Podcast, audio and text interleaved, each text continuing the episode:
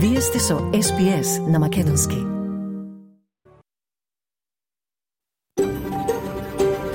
SBS, a world of difference.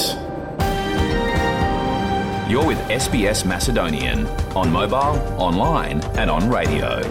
Вие сте со СПС на Македонски на мобилен, преку интернет и на радио.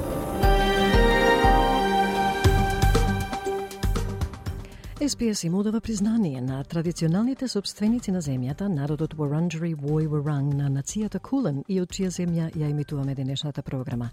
Добар ден, со вас е Маргарита Василева. Повестите најновото од Македонија, каде до синоќа повеќе од 100 македонски државјани побарале да бидат евакуирани од Израел во Македонија и македонската амбасада во Телавив работи на нивната евакуација. Поопшено за оваа ситуација после 15 минути и во оваа национална недела за подигање на свеста за ампутација ампутираните лица ќе чуете за обидите да се стави искуството на ампутацијата во центарот на вниманието на јавноста. И од 2024 година вештачката интелигенција, вклучително и чат GPT, ќе биде дозволена во сите австралијски училишта. Но со тоа расте и загриженоста за автентичноста на школските задачи, колку задачите ќе се должат на вештачката интелигенција, а колку на студентот. А кон крајот ќе слушнеме како изгледа животот во повеќето села и градови денес во егејскиот дел на Македонија низ очите на нашиот денешен гостин Кочо Филин, кој секоја година редовно го посетува родното село Овчарани. Затоа останете со нас, сега следуваат вестите на СПС.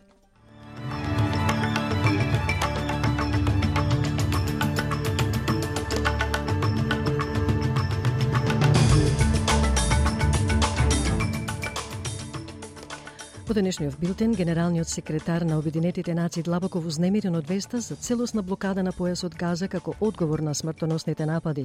Новото климатско истражување тврди дека милиарди луѓе би можеле да страдаат да преживеат во смртоносни високи температури во овој век. И според информациите од Македонското министерство за надворешни работи, повеќе од 100 македонски државјани побарале да бидат евакуирани. Слушајте не.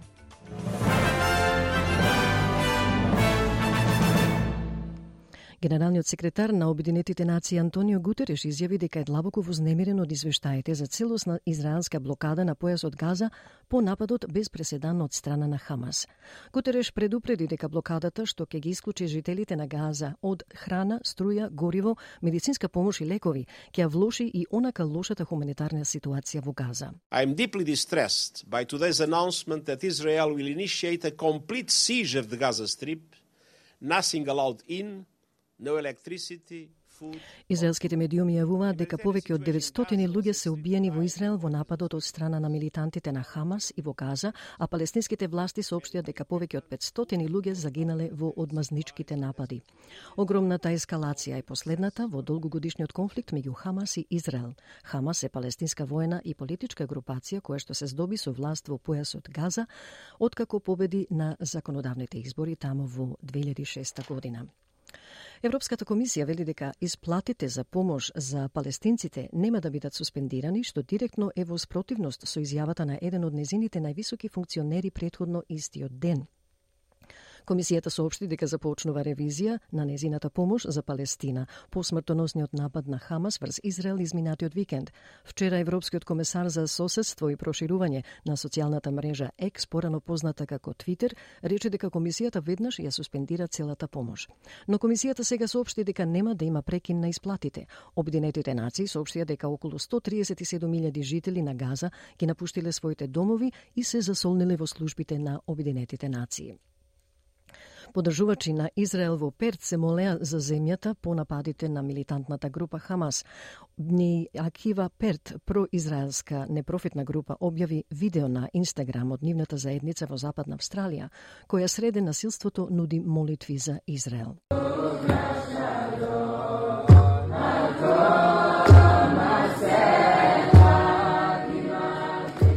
Овие молитви се во контраст со стотиците пропалестински подржувачи кои вчера маршираа по улиците на Сиднеј, повикувајќи ги австралиските влади да се осврнат на историскиот третман на Израел кон палестинците. Еден демонстрант изјави за SBS News дека премиерот Антони Албанезе ги осудил палестинските напади против Израел, но пропуштил да ги осуди секојдневните напади врз палестинците на окупираните територии. What we are here is just to speak loudly. We are in full support for the Palestinian, for their legitimate right to resist the occupation and I personally condemn and a lot of our community condemn Македонската амбасада во Тел Авив работи на евакуација на македонските државјани од Израел во Македонија. Според информациите од Министерството за надворешни работи, повеќе од 100 македонски државјани побарале да бидат евакуирани. Неколкумина од нив биле затекнати во кризните подрачја и се работи на нивно префрлање на безбедна локација од која би можеле да бидат упатени кон Македонија. Аеродромот во Тел Авив е отворен, па македонските државјани можат и во собствена режија да го напуштат Израел, но предност имаат израелските државјани. МНР апелира до македонските граѓани кои во моментов се наоѓаат во Израел да ги почитуваат упатствата на тамошните безбедносни власти, како и да се пријават во амбасадата во Тел Авив или на дежурните телефони во централата во Скопје. Ново истражување тврди дека милиарди луѓе би можеле да страдаат да преживеат во периоди на смртоносна влажна топлина во овој век, бидејќи температурите се зголемуваат, особено во некои од најголемите градови во светот, од Делхи до Шанхај. Студијата разгледа различни сценарија за затоплување од климатските промени, предизвикани од човекот и моделираше на колку денови на потенцијално смртоносна влажна топлина ќе бидат изложени глобалните популации во зависност од тоа колку ќе стане жешка планетата. Светот веќе се загреа за околу 1,2 степени над прединдустриските процеси поради производството и согорувањето на фосилните горива. Најновите извештаи на Обединетите нации за емисиите велат дека светот е на пат за затоплување од 2,8 степени до 2100 година според сегашните политики.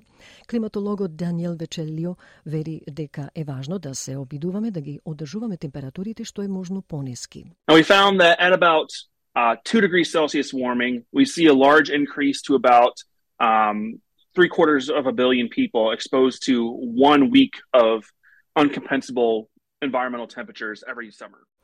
Кампањите кои повикуваат на создавање домороден глас во парламентот се обидуваат да направат нешто повеќе во последните денови пред референдумот оваа сабота. Последните анкети покажаа дека кампањата не се уште има поголема предност. Домородната активистка Мили Инграм вели дека се бори за правата на домородните луѓе во последните 65 години. Таа на митингот на кампањата Да во населбата Редферн во Сиднеј рече дека референдумот е шанса за сите австралици кои сакат да создадат подобра Австралија.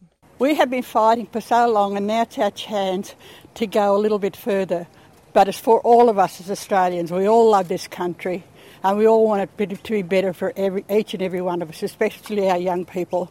And um, we can, you can come along with us, and all of our future generations of our young Australians will grow up in a wonderful, happy and country. That's what we want for our young children. I'm sure that's what you want for your young children.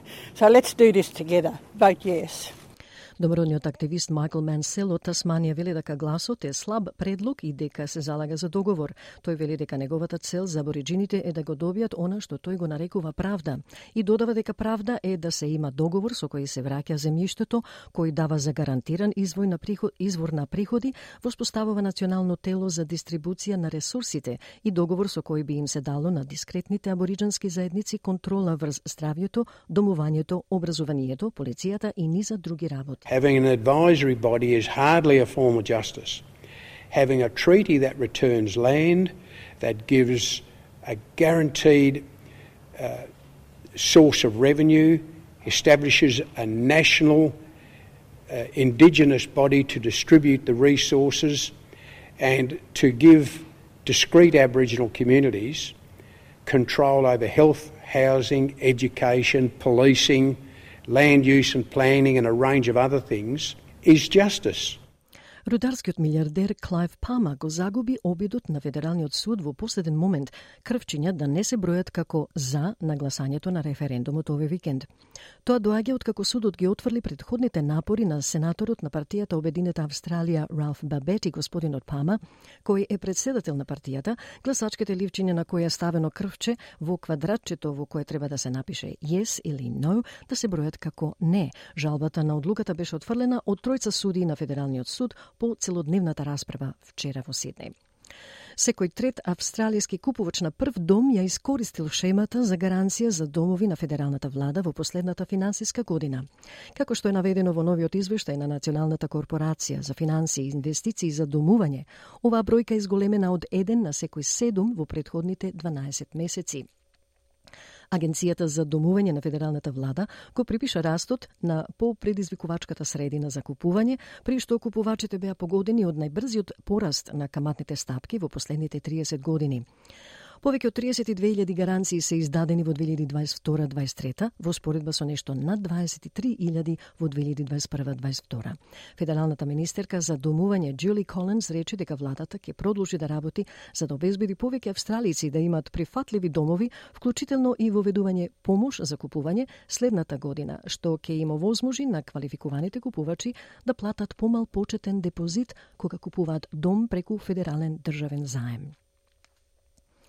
Жртвите од поплавите во североисточната индиска држава Сиким раскажуваат хорор приказни за тоа како бегале од своите куќи среде ноќ откако слушнале за предстојните поплави. Бројот на жртвите од поројните поплави предизвикани од глацијалното езеро што се излеа од коритата на индиските Хималаи се искачи на 74, а 101 лице се уште се водат како исчезнати. Имаше серија природни катастрофи предизвикани од екстремни временски настани во Хималаите. Министерството за одбрана соопшти дека 14 припадници на армијата се меѓу исчезнатите.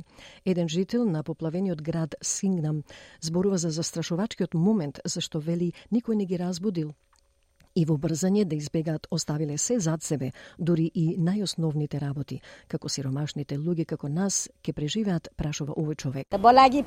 We heard that floodwaters had inundated the entirety of Sington. As soon as we heard that, we started running. Nobody came to wake us up. Gas cylinders, belongings... Полицијата истражува дали смртоносното застрелување на маж во северно, северниот дел на Мелбурн би можело да биде поврзано со спор меѓу два криминални синдикати кои се обидуваат да профитираат од нелегалната продажба на тутун. Полицијата создаде работна група по оштетувањето на речиси 30 продавници за тутун во изминатите 6 месеци. Полицијата тврди дека двајца ракувачи со багаж на аеродромот во Сиднеј учествувале во обид да прошверцуваат пет кеси со кокаин во Австралија со лет на Квантас од Јужна Африка. Австралиската федерална полиција обвини пет мажи за наводен заговор за увоз на кокаин со процената улична вредност од 40 милиони долари. Полицијата соопшти дека двајца аеродромски работници извадиле пет кеси со кокаин од контейнер во товарниот простор на авионот на Qantas QF64 кој пристигна во Сиднеј на 7 октомври. Осомничените потоа ги префрлиле торбите во автомобил управуван од 24 годишен маж надвор од терминалот. Тројцата мажи беа уапсени набргу по предавањето, додека други двајца беа уапсени во саботата навечер. Детективката Кристи Креси вели дека AFP го смета наводниот заговор како дело на организирана криминална група.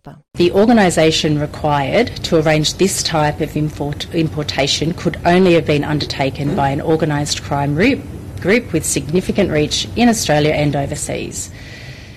People who use their job at Australia's airport.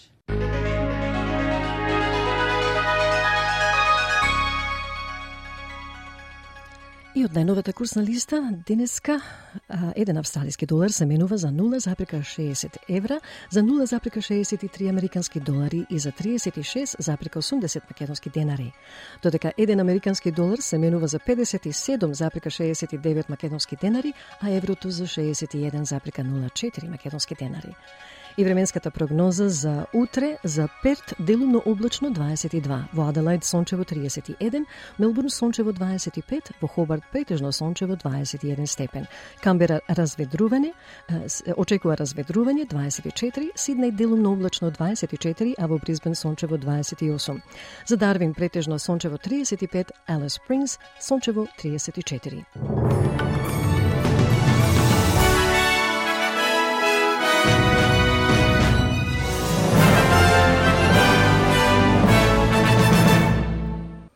Денешниот билтен вести на SBS ќе биде достапен на нашите веб и Facebook страници многу подоцна во денот заедно со комплетната програма.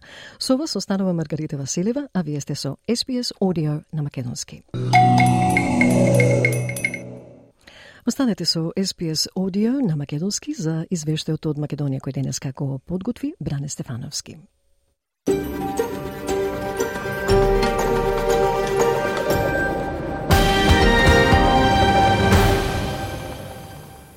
Македонската амбасада во Тел Авив работи на евакуација на македонските државјани од Израел во Македонија.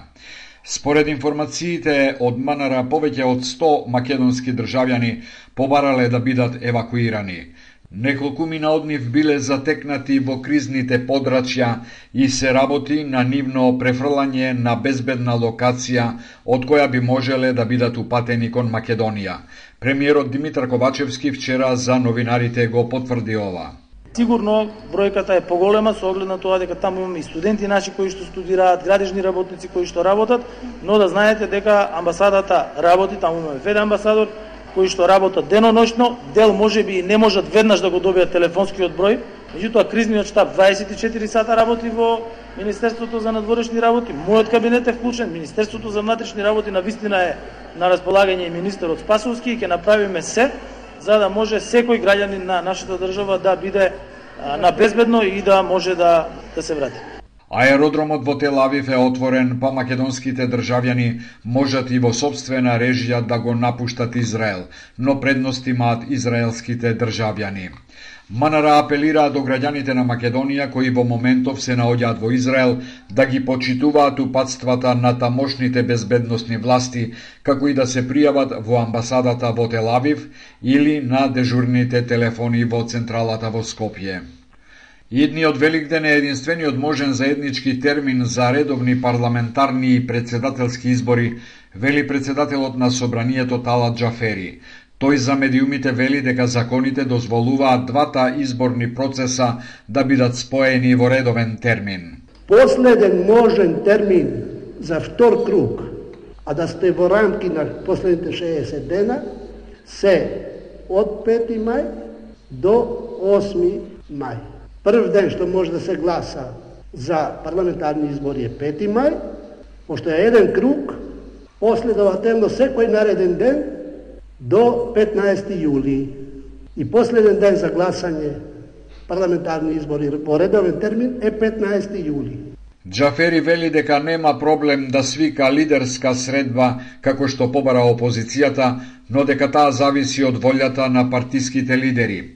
Христијан Мицкоски завчера на ТВ Сител изјави дека сака средба со Димитар Ковачевски на која би се договорил термин за идните избори за кои опозицијата смета дека треба да се одржат заедно за да се заштедат околу 10 милиони евра. Ковачевски пак вчера рече дека не гледа причина за лидерска средба за избори, бидејќи уставните измени треба да бидат приоритет на државата. Тој останува на ставот првин да се одржат председателските, а потоа парламентарните избори. Граѓанските организации за реформи во правосудството под заедничко име Blueprint вчера ја напуштија владината работна група што ги подготвува измените на новиот кривичен законик. Тие велат дека не сакаат да бидат декор во носењето закони што се во интерес на поединци. Александра Цветановска од Сдруженијето на младите правници на пресконференција изјави.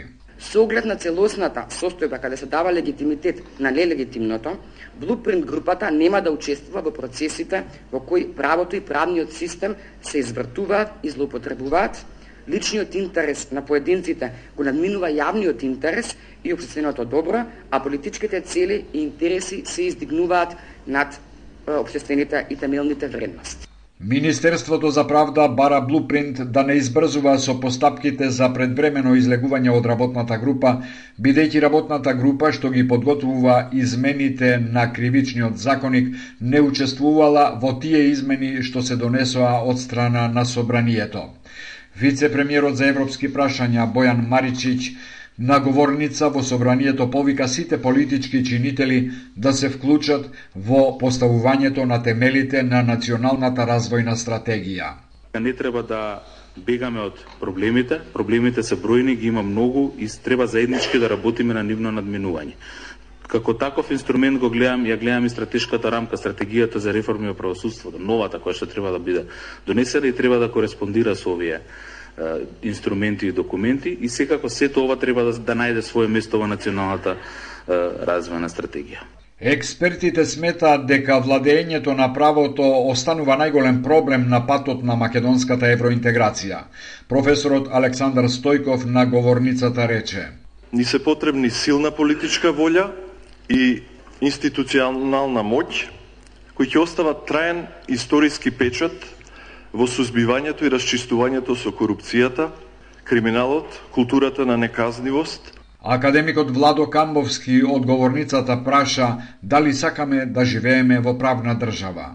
Тука ќе се тестира вистинската волја на сите субјекти, од политичките партии до институциите, до невладиниот сектор, до граѓаните, дали ние сакаме да живееме во обштество, односно држава, заснована врз владењето на правото или ќе продолжиме да живееме во еден хибриден режим. За опозицијата ова се само декларативни заложби на власта.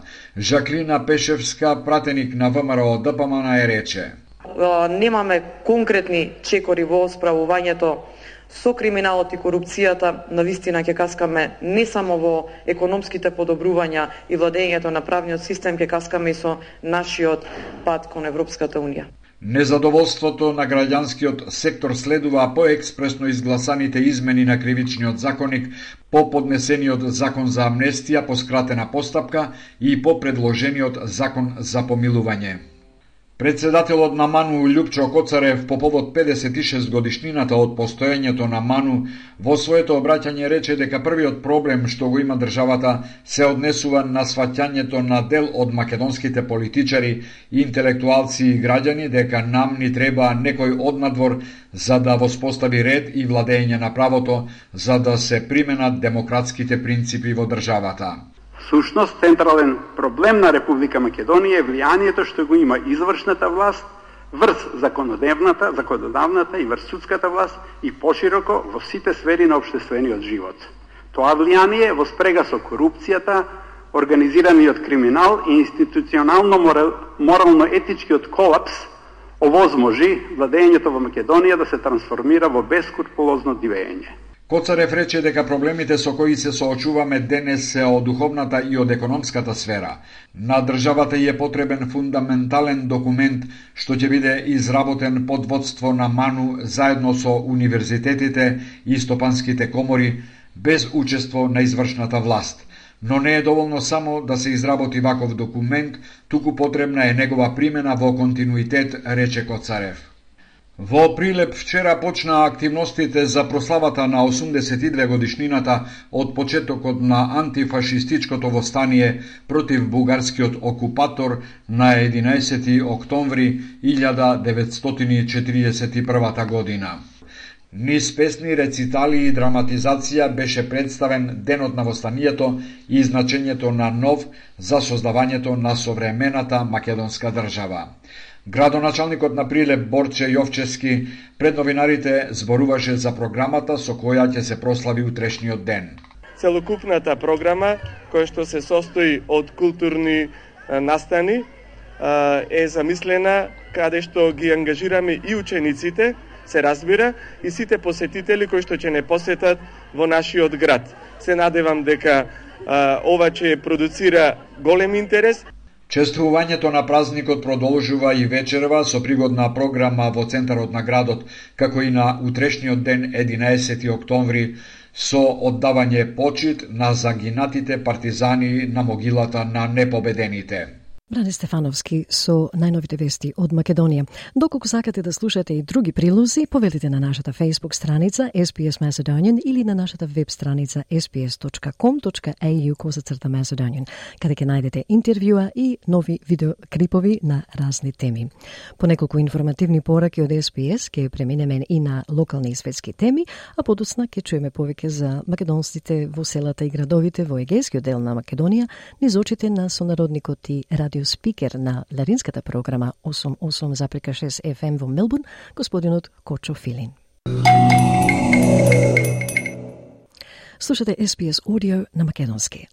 Губењето е екстремитет, рака или нога преку ампутација, односно одсекување, понекогаш застапниците го пишуваат како скриена попреченост. Националната недела за подигање на свеста за ампутираните лица се обидува да го стави искуството на ампутацијата во центарот на вниманието на јавноста. Маја Талевска го подготви прилогот на Рут McHugh Dillon од SBS News.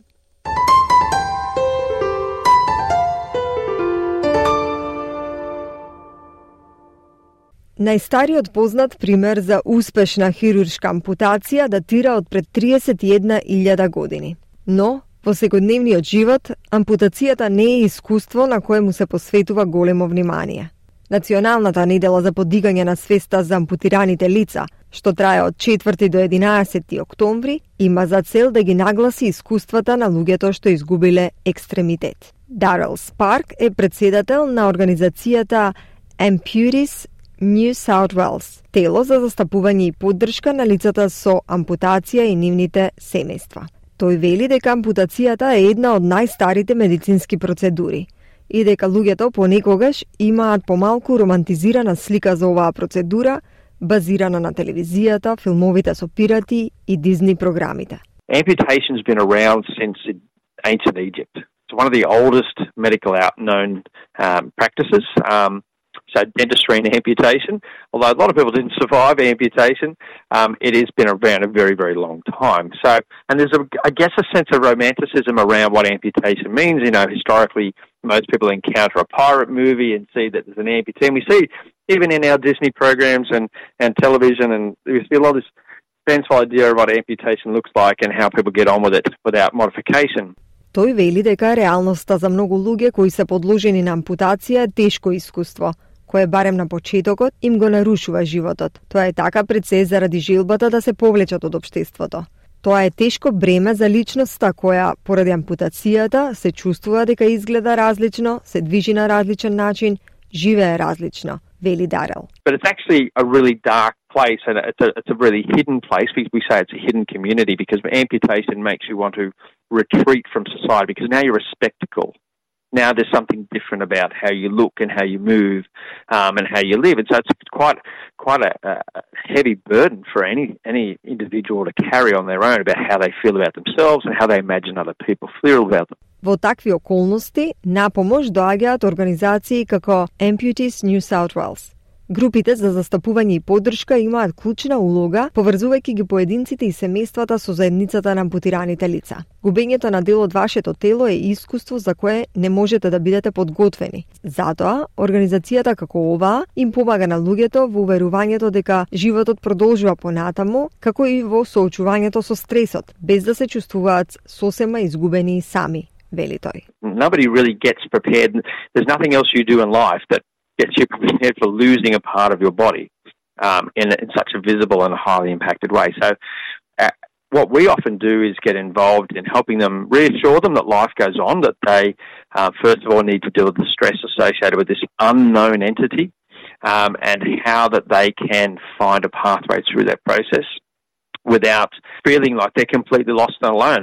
Melissa Noonan е извршна директорка на Limbs for Life, национална организација која ги охрабрува лицата кои преживеале ампутирање и нивните семејства со поддршка од сличните на нив, рехабилитација, протетски услуги и ресурси. Таа вели дека постојат некои вообичаени стравови и грижи кога луѓето првпат ќе бидат подложени на ампутација. Тоа се најчесто секојдневни прашања кои другите луѓе ги земаат здраво за готово, како на пример како да влезам и да излезам од тушот, дали ќе можам повторно да возам автомобил, можам ли да се вратам на работа и така натаму. Often it's just day-to-day living and some really basic things like how do I get in and out of the shower? Will I be able to drive a car again? Can I return to work? You know, how am I going to be able to get around? So it's, you know, it's very grassroots things, but it's things that are important to all of us um, that, you know, you take for granted on a day-to-day basis that you just don't think of. Господја Нуан верува дека поддршка од сличните е важна за социјално и емоционално да се преживее искуството, но и за да ги поврзе со финансирање. Таа вели дека промената на свеста во незиниот живот била забележителна. It's 20 years since I lost my leg. There didn't seem to be a lot of people out there and, and we didn't really have a lot of data. But once we started to know, I, you know, we got the numbers, it was just you know, almost choked to know that there was that many people um, in a similar situation to myself, but obviously many others that were amputees. But it, it was like it was hidden, it was under the radar. Whereas I think, you know, you see a lot of other disability groups that have got really loud voices, and, and for a long time ours has been quite quiet.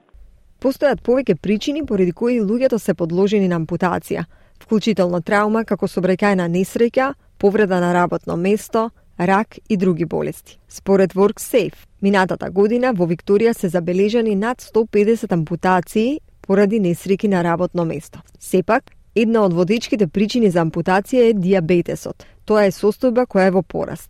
Господја Нуан вели дека Австралија има втора највисока стапка на ампутации поврзани со диабетес од сите 34 држави членки на Организацијата за економска соработка и развој. Каролин Корнев е овластен едукатор за диабетес и регистрирана медицинска сестра. Таа вели дека Секоја година околу 5100 австралици со диабетес ќе бидат подложени на ампутација како резултат на компликации од состојбата.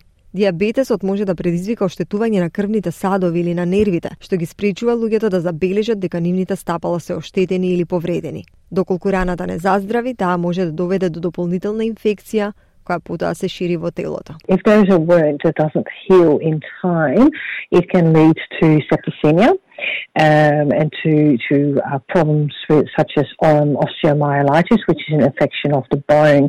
So the infection will just continue to travel further and further up the body. Сепак, 80% од овие ампутации можат да се спречат преку грижа за здравјето на стапалата, и тоа преку обрнување внимание на какви било повреди, промени во чувството, промени во температурата, какви било плускавци или набиени места на кожата што не изгледаат како што треба.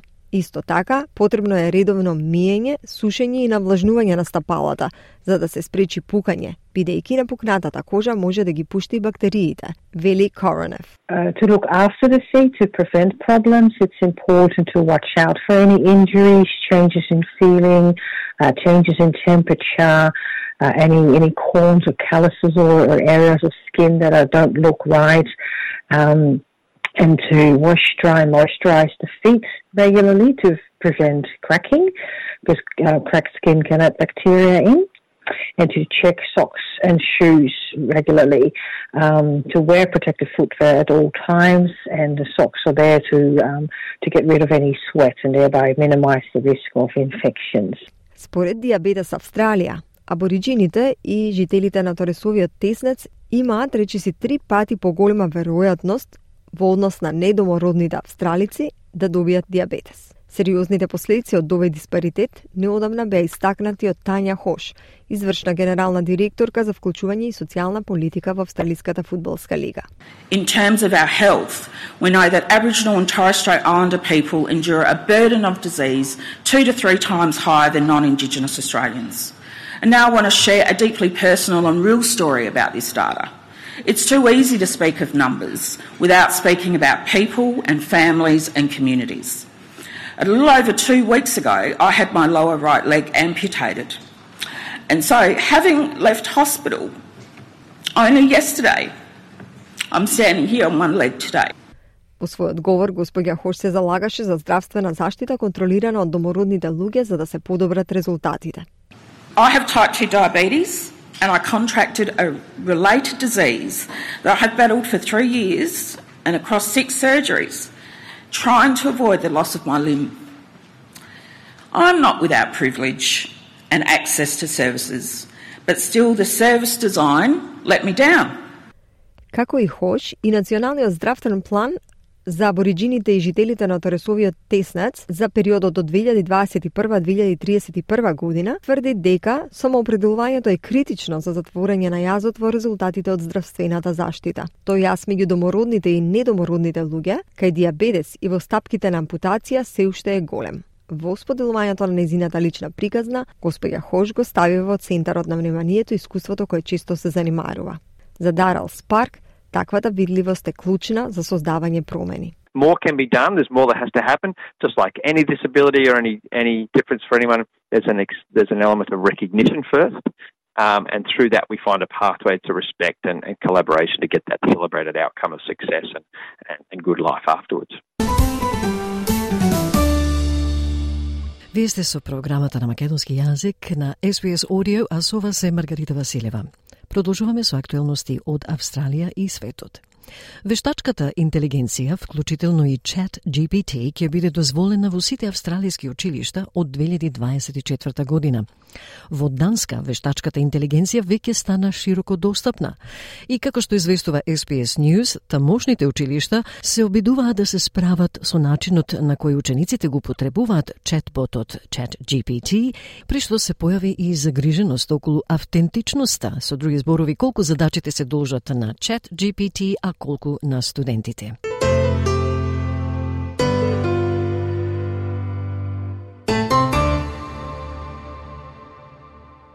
Учениците во Хосенс гимназијум во Јутланд во Данска се враќаат на училиште со нова алатка за училница – OpenAI ChatGPT, 17-годишниот студент Јакоб Ид Дидериксен вели дека тој и неговите соученици се запознати со четбот генерирана вештачка интелигенција, вклучувајќи го и ChatGPT кој беше лансиран во ноември минатата година.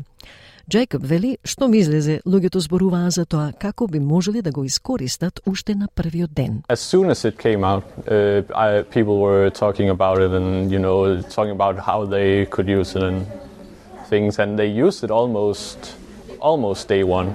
Но веднаш се појави загриженост кај наставничката по англиски јазик Мете Педерсен, која додава дека загриженоста беше поврзана со генерираните текстови со вештачка интелигенција. Веста циркулираше во данскиот печат во декември минатата година, а две или три недели подоцна првите три есеи генерирани од Chat GPT пристигна на незината маса. The first essay which was uh, Chat GPT generated arrived on my desk. Uh, actually three of them. Uh, so very quickly after the students picked it up immediately. Наставничката Петерсен вели веднаш почна да формулира проект за користење чат GPT во училницата, наместо сосема да ја блокира алатката. Та вели дека приметила дека учениците го користат без никакво размислување и на тој начин станува пречка за учење, што е главна цел на проектот нагласи таа. Таа предлага промена во начинот на кој студентите го користат чат GPT со цел тој да биде алатка за учење. Со цел тој да биде алатка за учење со што ќе се постигне многу повеќе. If we can have the conversation with them about how to use AI, then the whole idea that they can't talk to us about it because it's forbidden goes away. Пет средни училишта сега учествуваат во двегодишниот проект, вклучувајќи ја и гимназијата Хорсенс, во која учат околу 1200 ученици на возраст меѓу 15 и 20 години. Некои студенти, вели Педерсен, имаат домашен живот со родители кои имаат, например, академско образование и кои можат да им помогнат да направат список на најважните точки во текстот, кои им е тешко да ги разберат, а потоа да се вратат назад и да го прочитаат текстот и да го разберат подобро Some students have uh, a home life with parents who have, say, an academic education, who can help them. They have a sparring partner, they have an extra study buddy. Some students don't.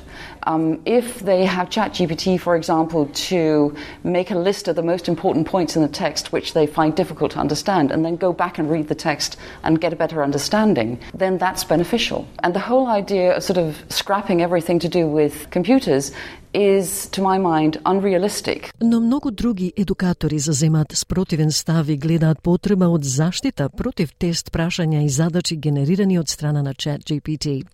За некои инструктори тоа значи враќање на хартиените испити, после повеќе години на тестирање користејќи дигитална технологија.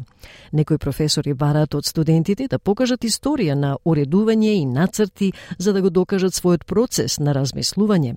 Други инструктори пак се помалку загрижени. Тие велат некои студенти од секогаш наоѓале начини да изневерат, а ова е само најновата опција, велат тие.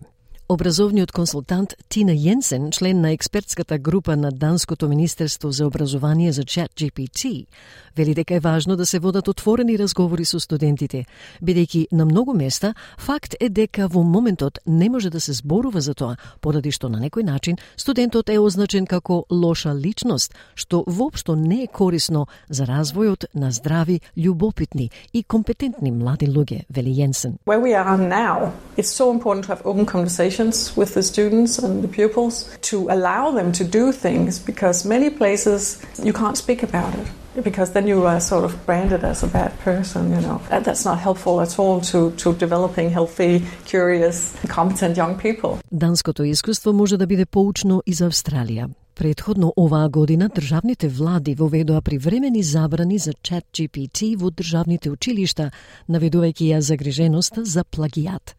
Сега, министрите за образование одлучија да го направат AI достапен во сите австралиски училишта од 2024 година, почнувајќи од првиот термин. Прилог на SPS News.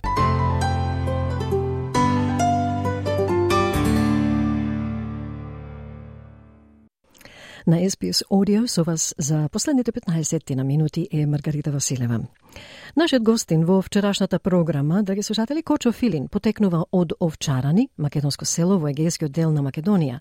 Господинот Филин го посетува родното место секоја година, изградил нова куќа на татковиот имот и сака да се чувствува дека има свое место каде да ги минува годишните посети. Филин вчера рече дека го влече местото каде што се родил и таму се чувствува како дома. Ја искористивме неговата поврзаност со селото Овчарани, па и општо со Егеот, да дознаеме како стојат некои од работите, таму како се одвива животот на оние што станале или повторно се вратиле и што е измене тоа што не. Филин Вели се чувствува поинаква слобода со признавањето на македонскиот јазик, се пее и игра македонско оро слободно и во Солун на саем на книгата беа представени и македонски книги. Без проблеми. Тој образложи и за нешто друго што го приметил во Овчарани, е едно кратко подсетување на тоа. Е, сега први, река, бидејќи нема работи, еден голем пример, нека речеме, ки клад некои деца да полицмани. Е, од нашо село, во Овчарани, има 32 полицмани. И кога има 32 полицмани, и сигурно ќе ќе застаниш да пееш по македонски, зашто бидејќи твојот син и е полицман и знаеш да не пееш, да не те видат, да не ти стерат. Така е психологијата, ама јас имам А сега проследете го и останатиот дел од разговорот со Кочо Филин. Сега, зашто системо и е тамо школината и се грчки школина, грчки систем и така и е тешко, нека речеме, за некои луѓе и да зборват на мајчиниот македонски јазик, ако можеш да ме разбереш што велам. Да речеме сега оде некои е, не некои активисти или некои нека речеме го велат овој голем македонец ќе го земат нивниот син, ќе направат полицмано и тој македонецо ќе позастане, ќе омекне, не ќе биде активен, нека речеме, во македонските работи. Еден, еден таков пример можам да речам. Ама па во исто време се менва. Пак се, мислам, работите си гредат во местото што човекот може да живе слободен само ако сака самиот. Самиот да сака, самиот да бара. Државата ти веле на ти те препознава македонски јазик и е до тебе сега. Ако не сакаш, тој е до тебе ако сакаш да учиш тој јазик и да го лафиш тој јазик. Значи, со други зборови, велиш, има слобода, меѓутоа, како прикриена слобода, еден вид притисок со ракавици. Да, така, така може, така може да се рече, да. Зашто секој пат кабелат лоѓето се чува од страо. Страо го чува лоѓето на, да. на пример. Да, да. Така. И тие работи. Сега, друго, да, за панегири, сигурно во селата има секаде да во многу села има панегири, песни македонски, млади, доста млади тие што останаа, зашто бидејќи селата и се празни, младите имат избегано по, по големите градишта, по други држави, ќе одат во Солун, во Афина, во Белгија, во Германија за да палат работи. На вистина и се празни празни селата. Например, јас кога беше во школе, во малечкото школе, primary school, во секоја класа имаме по 45 деца од првото деление до шесто, да речеме. Сеа, село Скојле, село Скојле, велам за едно големо село како Овчарени, има 46 ученици, деца што се учат. Да Демек, си има испразнато целото и, и, и можам да кажам дека не се прат свадби, не се родват мали деца, кој едно, кој две не. И така нема, нема деца, нема народ нема не, не, некои големи и поголеми села ќе виш да има малце народ, ама малите села не може на виш душичка дејната која ќе испаднеш. Ти велиш дека да, Овчарани, селото Овчарани било едно од поголемите села, нели? Да, да, поголемите села. Чарани пред некои години имаше 2300 жители, народ што живее, ама сега има 1200, демек 1000 души имат избегано. А тие се претежно младите, како што да, спомена пред малку. Да. Многу млади звена и така не можеме да речеме сега зашто слушаме така по медиумите дека младите бегат од Република Македонија или и така натаму. Вие се тоа, знаеш, нека речеме пропаганди за други работи, ама од цел Балкан бега народ, зашто нема работа. Нема работа и, и ове за да најде еден подобро живот. Да. Како обстојуваат бизнисите, дуќаните? Да многу дуќани имат имат затворено. Многу дуќани и, и се ладени под керија. Од да влезе некој тамо некој млад, некој по-нов, нека речеме, некој да зафате нов бизнес тамо. Да, дуканџија. Некој нов трговец. Нема. Многу дукани се и се затворени. Во Лерин пред кога беше во пазарот не можеше игла да фрлиш долу што се вика да. зборот, да, неке пат имаше долу. Сега е по-редко, по-мал се народ работе не се многу добри, барем за економија страна.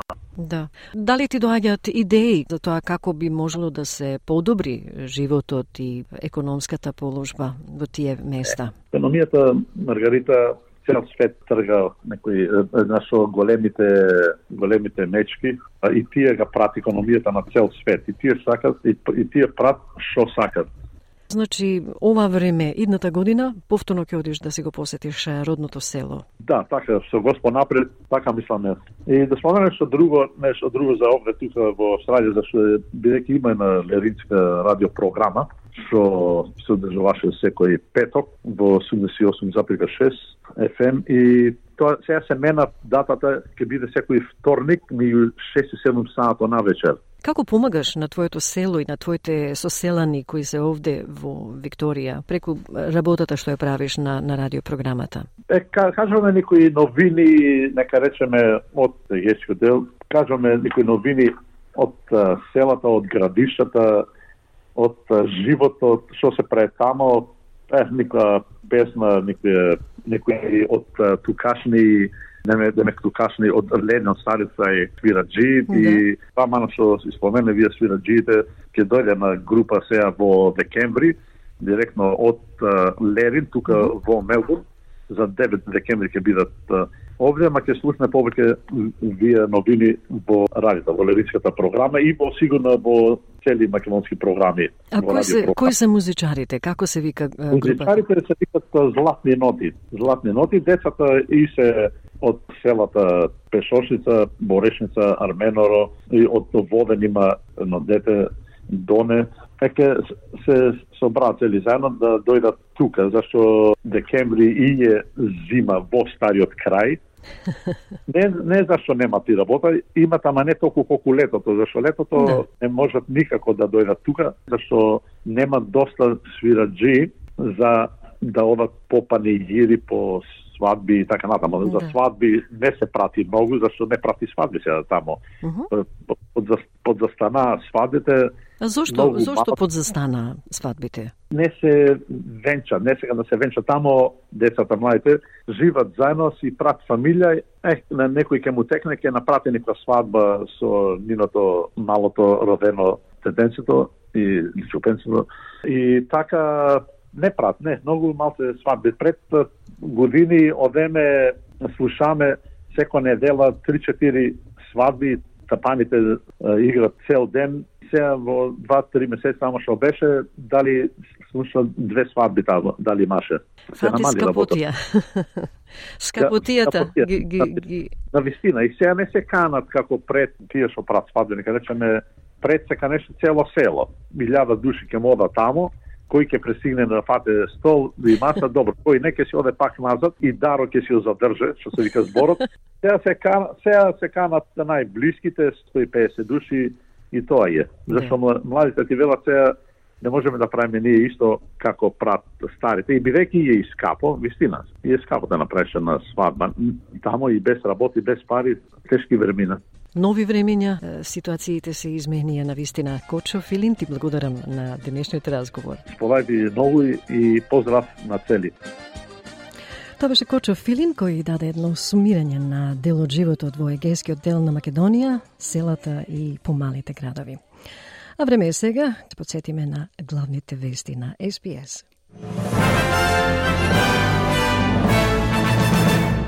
Генералниот секретар на Обединетите нации длабоко вознемирен од веста за целосна блокада на појасот Газа како одговор на смртоносните напади. Новото климатско истражување тврди дека милиарди луѓе би можеле да страдаат да преживеат во смртоносни високи температури во овој век. И според информациите од Македонското министерство за надворешни работи, повеќе од 100 македонски државјани побарале да бидат евакуирани.